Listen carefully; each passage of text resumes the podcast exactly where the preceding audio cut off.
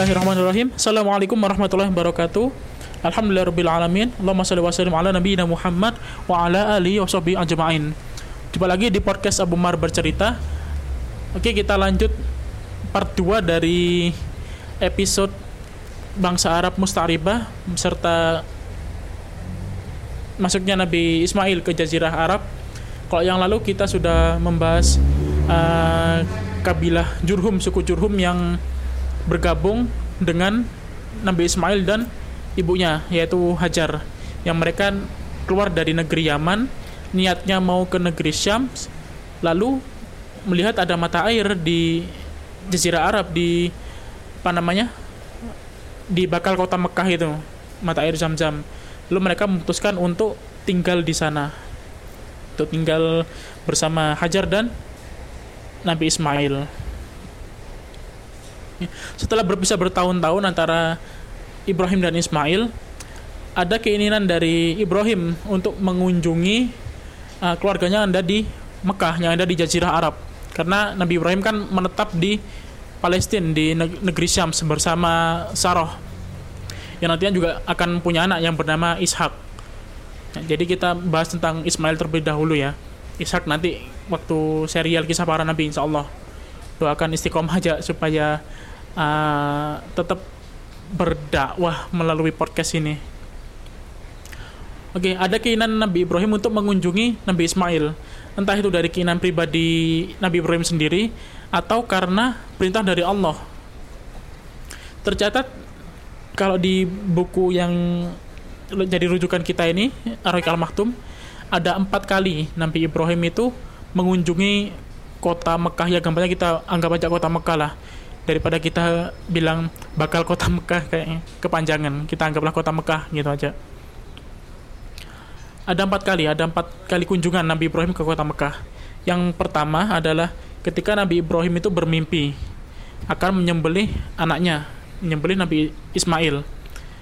Nabi Ibrahim datang ke Mekah membicarakan itu kepada anaknya kepada Nabi Ismail dan mereka yakin kalau itu adalah petunjuk atau hidayah dari Allah dan mereka melaksanakannya. Dan akhirnya ketika Nabi Ibrahim ingin akan sudah akan menyembelih Nabi Ismail lalu Allah menggantikannya dengan seekor domba yang sangat gemuk. Ya ceritanya bisa dibaca di Al-Qur'an di surat As-Saffat ayat 102 sampai 107 dan mungkin teman-teman sudah banyak yang sudah tahu kisah ini Lalu di pertemuan yang kedua itu tadi yang pertama ya yang waktu menyembelih Nabi Ismail. Lalu yang kedua adalah ketika Nabi Ibrahim diperintahkan oleh Allah untuk meninggikan pondasi Ka'bah. Seperti yang sudah dijelaskan pada podcast yang sebelumnya bahwa Ka'bah itu sebelumnya sudah ada, sudah dibangun sejak zaman Nabi Adam alaihissalam bersama anaknya yang bernama Syith yang juga seorang nabi. Ketika sudah dibangun, lalu hancur waktu waktu zamannya Nabi Nuh, waktu banjir bandang itu. Ka'bah sempat hancur, tinggal pondasinya doang di situ. Jadi Nabi Ibrahim diperintahkan oleh Allah untuk meninggikan pondasi Ka'bah. Dan Nabi Ibrahim ini dibantu oleh Nabi Ismail tentunya. Setelah meninggikan Ka'bah, Nabi Ibrahim di disuruh atau diperintahkan oleh Allah untuk menyeru orang-orang pergi berhaji. Caranya gimana? Nabi Ibrahim naik ke suatu tempat yang tinggi, ke bukit yang mungkin yang bukit atau gunung. Lalu Nabi Ibrahim berteriak supaya orang-orang itu pergi berhaji. Dan dengan hikmah Allah, suaranya itu dibawa angin. Dibawa angin sehingga terdengar oleh seluruh orang-orang yang beriman di seluruh pelosok negeri, di seluruh pelosok dunia. Yaitu Allah alam gimana caranya, tapi itu sebuah hikmah dari Allah ya. Nah, itu yang kedua. Lalu pada pertemuan yang ketiga, Nabi Ibrahim ingin mengunjungi Nabi Ismail. Dan ternyata pada saat itu Nabi Ismail sudah menikah dengan salah satu anak dari kepala suku Jurhum. Setelah ditunjukkan rumahnya oleh istrinya oleh Hajar, ditunjukkan sekarang Ismail tinggal di rumah itu, lalu Ibrahim ke sana. Setelah mengucapkan salam, keluarlah seorang wanita yang itu adalah istrinya Nabi Ismail atau anaknya kepala suku Jurhum itu. Lalu Ibrahim bertanya, ke mana suamimu? Dijawab oleh penita tersebut, Ismail sedang berburu. Dan kalau berburu itu orang-orang zaman dahulu nggak cukup sehari dua hari, bahkan bisa sampai berbulan-bulan, berminggu-minggu itu nggak pulang. Oke, setelah tahu kalau berburu, ditanya lagi sama Nabi Ibrahim, gimana keadaan kalian? Lalu istrinya itu menjawab, istri Nabi Ismail menjawab, keadaan kami itu susah, keadaan kami serba kurang. Kami itu nggak kaya kami itu nggak sejahtera. Masih lebih kaya Fulan daripada kami. Kami ingin seperti saya ingin kaya seperti Fulan. Akhirnya ya sepertinya apa? Nggak bersyukur gitu loh. Pengen apa? Pengen hal-hal yang berbau ke duniawian yang pengen kaya pengen apa lagi. Oke, setelah itu Nabi Ibrahim berpamitan ingin pulang. Lalu mereka, lalu beliau menyampaikan suatu pesan, nanti kalau suami pulang, katakanlah ada orang bernama Ibrahim datang ke sini, lalu dia menyuruhnya, lalu dia menyuruh Ismail untuk mengganti tiang pintu rumahnya. Mengganti tiang pintu rumahnya. Setelah itu, Nabi Ibrahim pamit pulang ke negeri Syams. Berapa, berapa waktu Nabi Ismail pulang datang ke rumahnya. Lalu beliau bertanya ke istrinya, "Apa ada yang datang saat aku pergi?" Lalu istrinya menjawab, ada seorang bernama Ibrahim. Lalu Nabi Ismail bertanya, lalu apa yang dia katakan? Istrinya menjawab, dia menanyakan tentang kondisi kita. Ya saya jawab, kondisi kita itu sekarang lagi miskin, kita itu kekurangan serba kekurangan, kita tuh nggak kaya, kita itu uh, tidak seperti si Fulan yang kaya raya. Kita itu ya pokoknya sebab kekurangan lah sebab jelek tau wes yang dia yang diucapkan gitu loh. Kayak sepertinya tuh kurang bersyukur atas nikmat Allah gitu loh.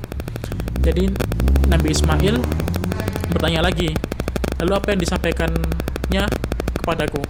Yang disampaikannya kepadaku apa? Lalu istrinya menjawab kamu diminta untuk mengganti tiang pintu rumahmu. Nah Nabi Ismail langsung tangkap maksudnya apa Akhirnya beliau berkata, "Baiklah, mulai sekarang kamu pulang ke rumah orang tuamu karena aku sudah mencarikan kamu. Ketahuilah, ketahuilah yang datang itu adalah Ibrahim. Dia itu adalah ayahku dan dia adalah seorang nabi Allah yang mulia. Dan dia telah memerintahkanku untuk menceraikanmu. Sekarang kau telah aku ceraikan." Oke, sudah bercerai sama istrinya itu sama yang anak ketua suku Jurhum itu.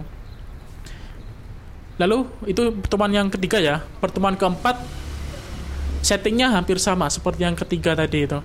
Jadi Ibrahim datang ke Mekah mencari Nabi Ismail.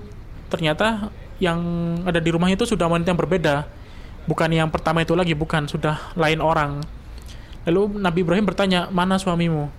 Sama lagi berburu. Jawabannya sama. Seperti yang pertama tadi. Sedang berburu. Karena memang Nabi Ismail ini kegemarannya itu berburu sampai berbulan-bulan berminggu-minggu kalau berburu itu. Lalu pertanyaan Nabi Ibrahim sama bagaimana keadaan kalian? Tapi jawabannya beda.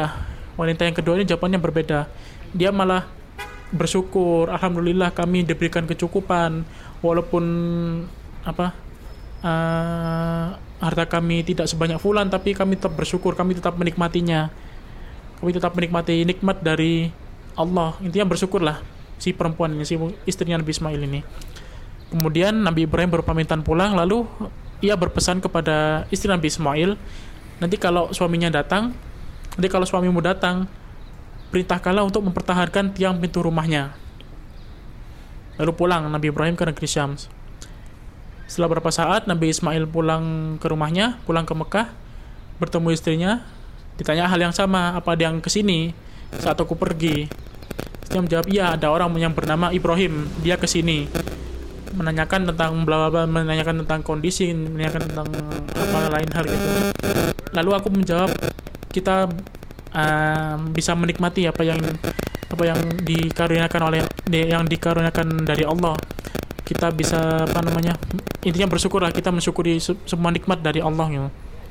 lalu Nabi Ismail bertanya lalu apa pesannya? Pesannya kepadaku apa ia berpesan supaya kamu mempertahankan tiang pintu rumahmu. Lalu Ismail berkata kepada istrinya, Ketahuilah yang datang itu adalah Ibrahim, dia adalah ayahku dan dia adalah seorang nabi. Lalu dia memerintahkan kepada memerintahkanku untuk mempertahankan rumah tangga kita. Wes.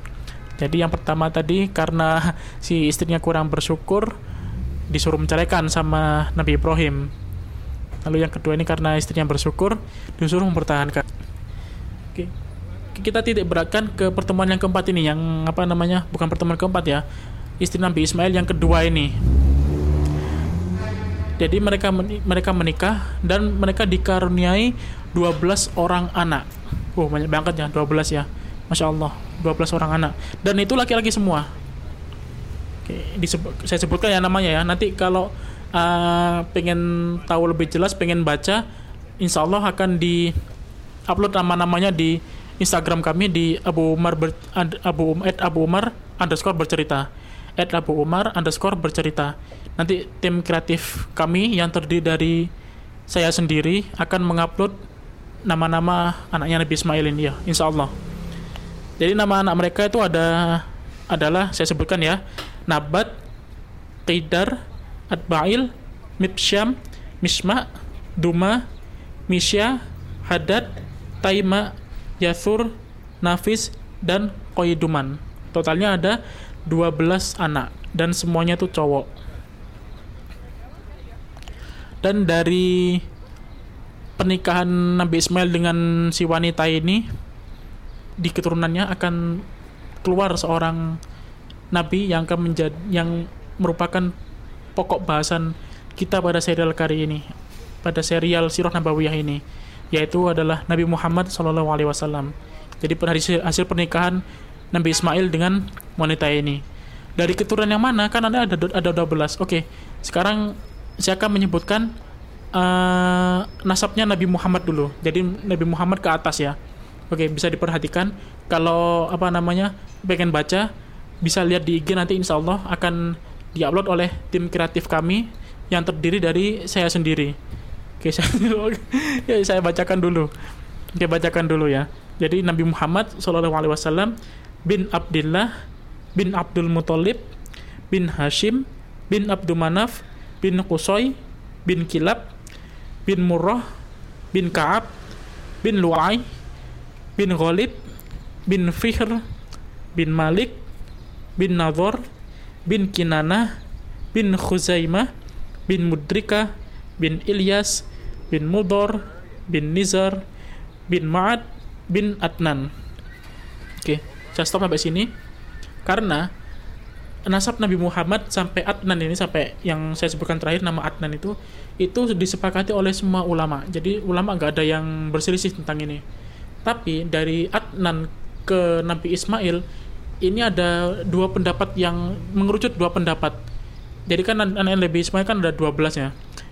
Kalau teman-teman ingat nama anak pertama dan anak kedua Nabi Ismail yaitu Nambat dan yang yang kedua adalah Qidar atau Qaidar itu ada yang berpendapat bahwa ujungnya sebelum Nabi Ismail itu ada nabat, ada juga yang berpendapat ujungnya itu tidar atau koidar.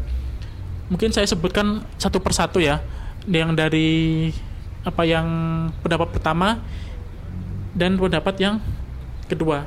Ya pendapat yang pertama dari Adnan tadi ya, dari Adnan bin Ud bin Muqawim bin Nahur bin Tairoh bin Ya'rub bin Yasjub bin Nabat bin Ismail bin Ibrahim alaihissalam. Itu pendapat yang pertama. Yang saya dapat ini referensinya dari bukunya buku sirah nabawiyahnya Ibnu Hisham. Sedangkan kalau yang dari buku sirohnya apa namanya?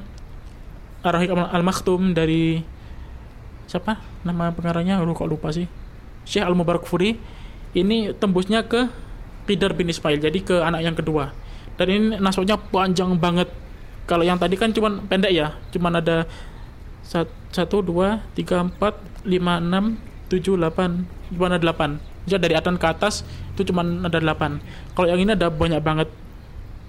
Oke. yang kedua ini kayaknya uh, saya kok lebih cenderung nggak menyebutkan ya soalnya panjang banget panjang banget dan pelafalannya itu gimana ya agak agak susah gitu. Jadi uh, kalau saya sarankan nanti saya upload di Instagram aja. Mungkin teman-teman bisa lihat di situ bisa bisa baca. Mungkin kalau teman-teman baca bisa lebih jelas daripada mendengarkan ucapan yang saya lafalkan yang saya lafalkan. Mungkin saya bisa ajak salah atau apa. Jadi mendingan insya Allah akan diupload oleh tim kreatif kami. Yang terdiri dari saya sendiri. Oke. Okay. nah jadi itu adalah uh, kisah Nabi Ismail di Jazirah Arab. Lalu keturunan beliau eh istri beliau. Lalu keturunan-keturunan beliau sampai ke Rasulullah Wasallam Nabi Muhammad Wasallam.